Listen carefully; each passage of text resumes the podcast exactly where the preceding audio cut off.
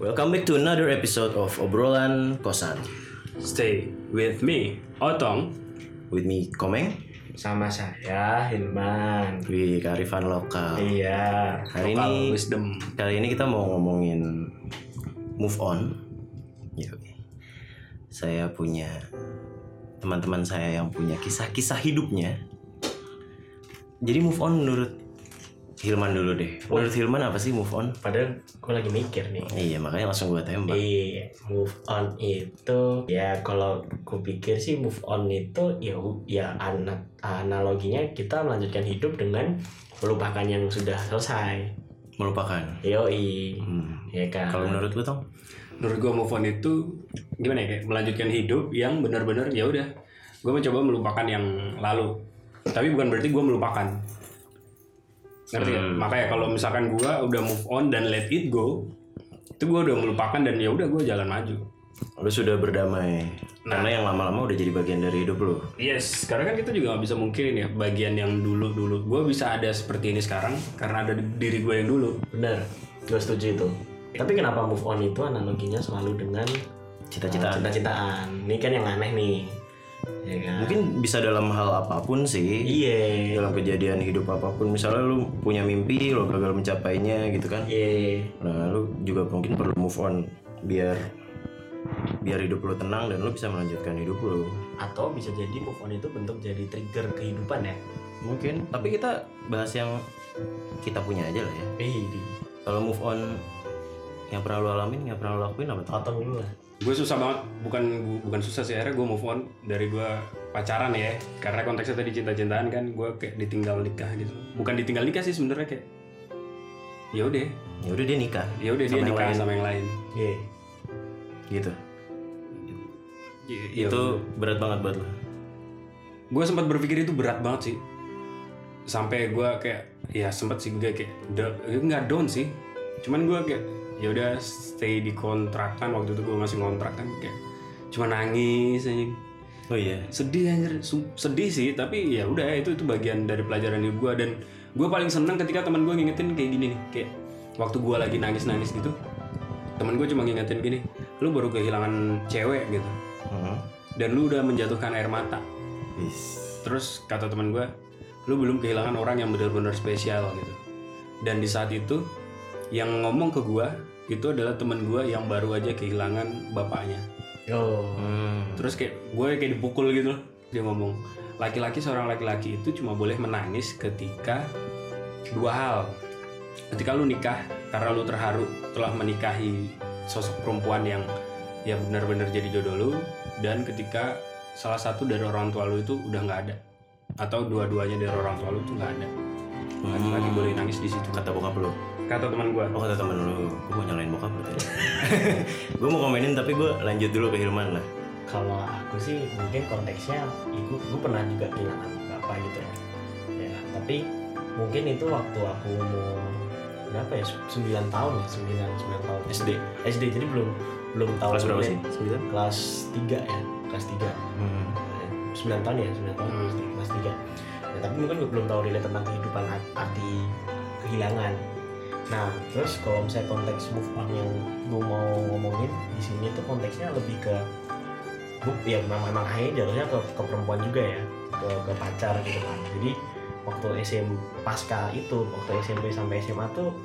gue bukannya playboy nih ya tapi emang terkenal nggak pernah kosong nih yo Iya. serius? Iya, serius Sombong banget lu. Ba- sumpah nih orang sombong pantatnya bolong Iya, tapi meskipun gitu gue baru pacaran tiga kali, Hmm. ya kan. Tapi gue nggak pernah kosong gitu. Confident lah ini Confident, Siap, karena lanjut gue merasa bahwa kehidupan gue tuh enak kalau gue punya teman yang bener-bener setiap hari ngobrol, seperti itulah, same like that lah. Nah, terus ada di fase dimana gue SMA itu gue pernah punya pacar lama banget. Ya udah kayak anak mungkin teman-teman gue yang SMA tau lah.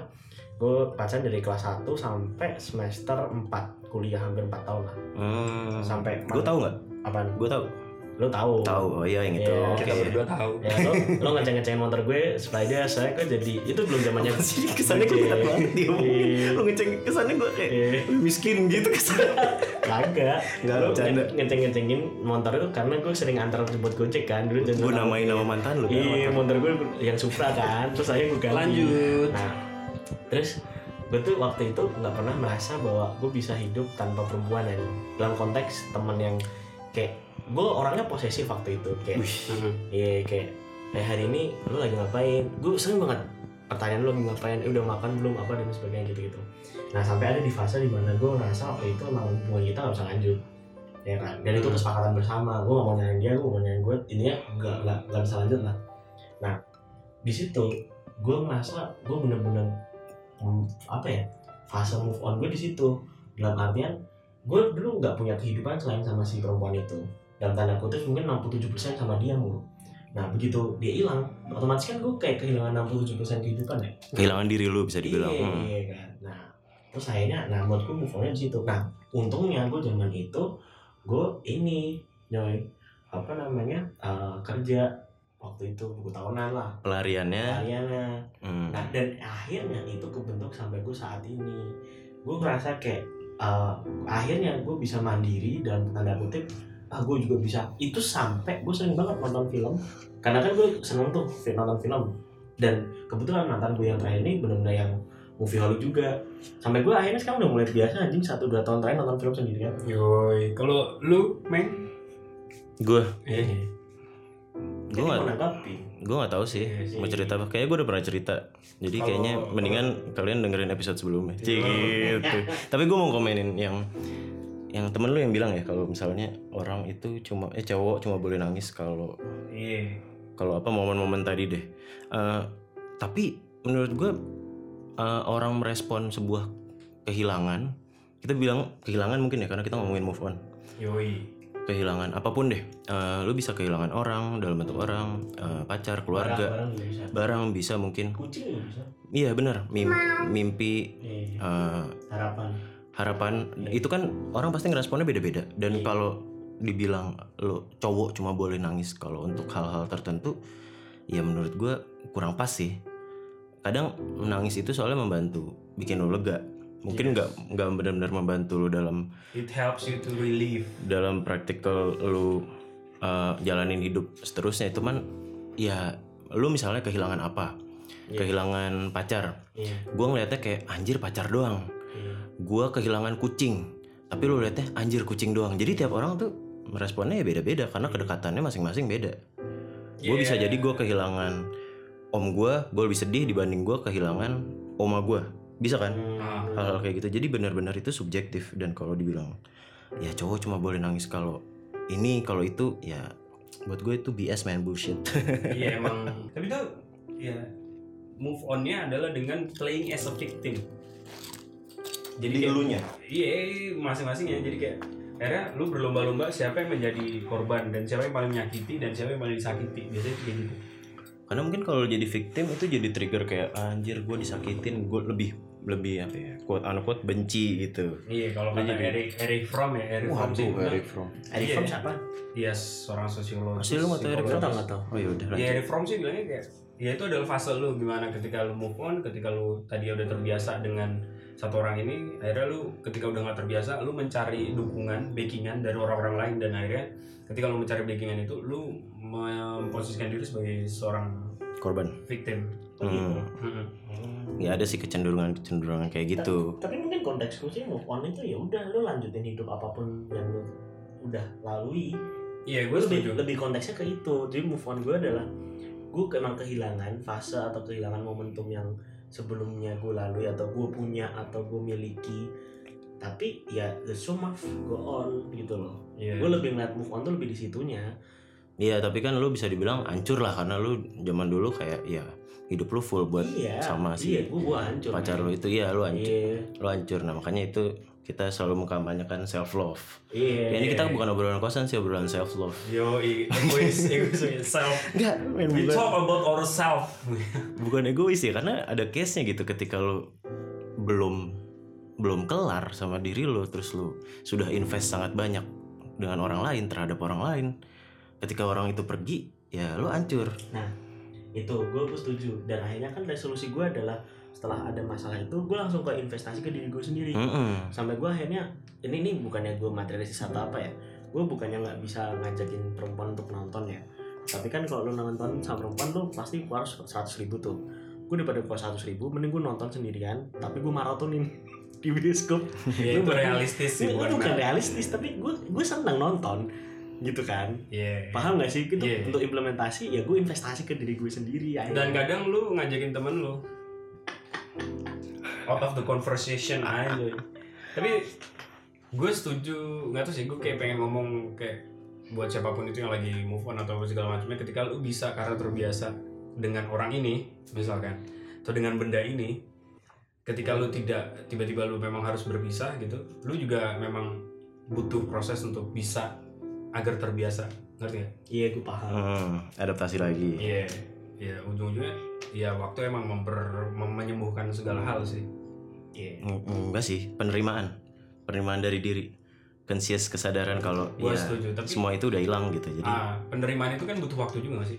Kalau ada universitas yang ngajarin tentang ikhlas dan Hmm. segala macam itu kayaknya jurusan laku sih iya sedunia gitu langsung belajar di situ nggak sih? Gue udah pernah ngomong ini nggak sih. tapi kalau misalnya ya waktu plus plus usaha sih emang lu lu harus ya kalau emang lu belum lega ya lu keluarin mungkin caranya nangis mungkin caranya cerita ke orang Mungkin caranya lu menyembuhkan dengan diri lu sendiri. Iya, nggak? gue Sibuk setuju. Dengan aktivitas yang lain. Gue lebih menyembuhkan diri sendiri. sih. tapi menyibukkan kalau nggak pernah dibahas pun kayaknya bisa jadi kanker deh kayak suatu saat lu kayak anjir coba pacaran lagi ternyata anjir gue belum siap Setuju. ternyata Oh, lu iya. tiba-tiba meledak meledak ledak nah Itu itu kadang yang gue gue rasain kadang ngelihat teman-teman gue sih kenapa yang kadang akhirnya nggak tau ya kayak banyak juga yang ya kayak Hilman pernah pernah bilang juga kan kadang gue emang bisa move on ketika gue membiasakan diri dengan orang lain lagi yang baru Hmm. kan pernah tuh Hmm. nah itu tuh yang akhirnya Oh gue tahu tuh. itu malah jadi salah satu bentuk yang kayak lu belum berdamai dengan diri lu sendiri tapi lu mencoba dengan orang lain lagi jadi ibaratnya lu, lu belum waktunya untuk melanjutkan gitu loh Hmm. karena menurut gua ujung-ujungnya setelah kasus-kasus seperti itu misalkan itu tuh wajar ketika lu menjadi lebih hati-hati. Iya. Karena kan ya ya belajar dari apa ya kesalahan mungkin iya karena ya kalau Kegagalan. cinta-cintaan ya khususnya ya, cinta-cintaan itu pasti kan memang ini cerita tentang bukan yang sekali hidup tapi yang untuk seumur hidup gitu. Iya. Mungkin kita next time bisa bahas apa putus, Bisa bisa bahas apa lagi sih dari obrolan ini? Kayak ada beberapa tadi, ada beberapa poin. move on let it go. Sama ini apa lebih mencintai diri lu sendiri. Oh iya, itu akan selalu kita kampanyekan sih. Iya. Yoi. Betapa pentingnya itu. Eh, Itu nggak ada caranya sih, kita nggak bisa ngasih manual booknya. Iya sih tapi ya mak- maksud gua akhirnya masing-masing dari kita kan punya caranya untuk berdamai dengan diri sendiri kan. Hmm, dan nggak pernah ada yang salah. tapi gue ngambil kesimpulan gue juga setuju gue bisa bilang gue telah berdamai dengan diri sendiri ketika gue menerima itu semua Ya nggak sih? Iya. Lu paham kalau misalnya konteksnya yaitu seperti ini. Maksudnya kamu nggak masih mempertanyakan kenapa ini seperti ini terjadi, tapi berdamai menurut gue lebih kayak ya lu sadar kehidupanmu sekarang seperti ini. Mm-hmm. Paham nggak? Maksudnya ke- udah beda, bukan bukan bukan yang dulu lagi. Dan akhirnya ya udah kamu nggak ada pen- apa ya, penyesalan atau ada pemberontakan. Menurutku itu adalah fase dimana kamu berdamai dengan diriku sendiri. Itu kalau pandanganku. atau mungkin move on itu juga pemberontakan itu adalah bagian dari move on gitu sih Enggak kalau aku. Mungkin. Ya dari diri lo yang mencoba untuk move on. Iya.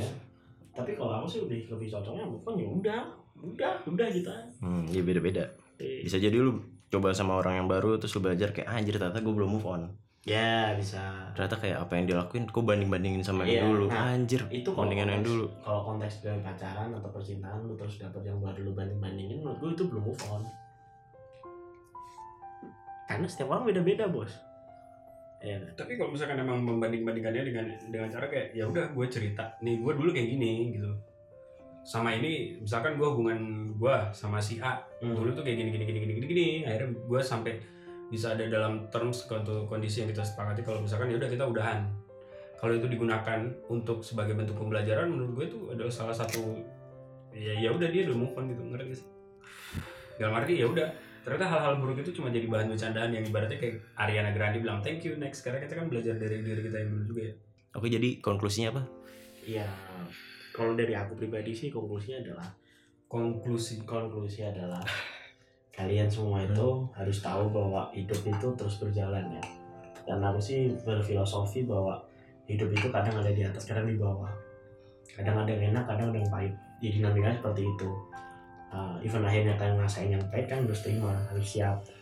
Dan hidupmu tuh nggak berhenti di situ. Dan menurutku justru banyak kok hal baik yang pasti bakal menunggu kamu di depan. Aku tuh pernah dengerin juga sebuah podcast yang tak saya sendiri ya, yang top podcast tuh bahwa setiap orang itu pasti sudah punya orang yang ditunggu di dalam kehidupannya. Kayak misalnya eh, waktu ini nih kita Ngomongin takdir. iya takdir tapi kan otomatis itu sebagai sebagai harapan jangan sampai eh, harapanmu berhenti di sini Ya, udah jalanin aja kalian gak bakal tahu di depan bakal ketemu lagi eh, apa gimana dengan siapa ceritanya seperti apa endingnya gimana Yang pasti adalah kalian harus jadi jalanin aja dulu ya pahit manis itu biasalah di dalam kehidupan kalau menurutku kalau gua kayak dunia semesta itu kayak teka-teki tapi bukan teka-teki silang Oh iya, lurus. lurus teka-tekinya lurus karena memang jalan perjalanan ini selalu akan membawa lu ke setapak yang antara kanan dan kiri gitu kan dan lu Hmm. nggak akan tahu di mana ujungnya gitu Hmm. kalau menurut gua filosofi hidup lu itu adalah yang terbaik eh, the best plan is no plan Ya, But- you should well prepare jadi rencana terbaik adalah tanpa rencana tapi kamu harus bersiap dengan baik untuk menerima apapun itu skenario apapun. yes Berarti intinya ya jalanin aja, coba aja. Iya. Dan em, kesedihannya tiap orang beda-beda gitu. Respon kesedihan tiap orang, cara move onnya juga beda-beda. Nggak ada yang benar, nggak ada yang salah, ya kan? itu Dan- prosesnya Hmm, gue setuju sama yang tadi temennya Otong yang meskipun gue bilang bullshit, kalau ya banyak hal lain yang yang lebih besar daripada kesedihan lu coba lu lu bayangin gitu misalnya lu lu pikir oh iya gue cuman kehilangan ini ya kenapa gue harus nangis segininya gitu loh tapi ketika lu memang merasanya sangat sedih nangislah apapun itu yang bikin lo lega ceritalah sama orang gitu at the end of the day we are only human ya kan lu nggak bisa semua dipendam sendiri it's okay to seek help Oke. Eh, itu dia dari obrolan kosan. Terima kasih buat kalian yang udah dengerin eh, pendengar setia kita. Dan kalau kalian dengerin di Apple Podcast, jangan lupa di rating bintang 5 sesuai aplikasi Oke, terima kasih sudah mendengarkan. Dadah. Ah. sampai ketemu di next episode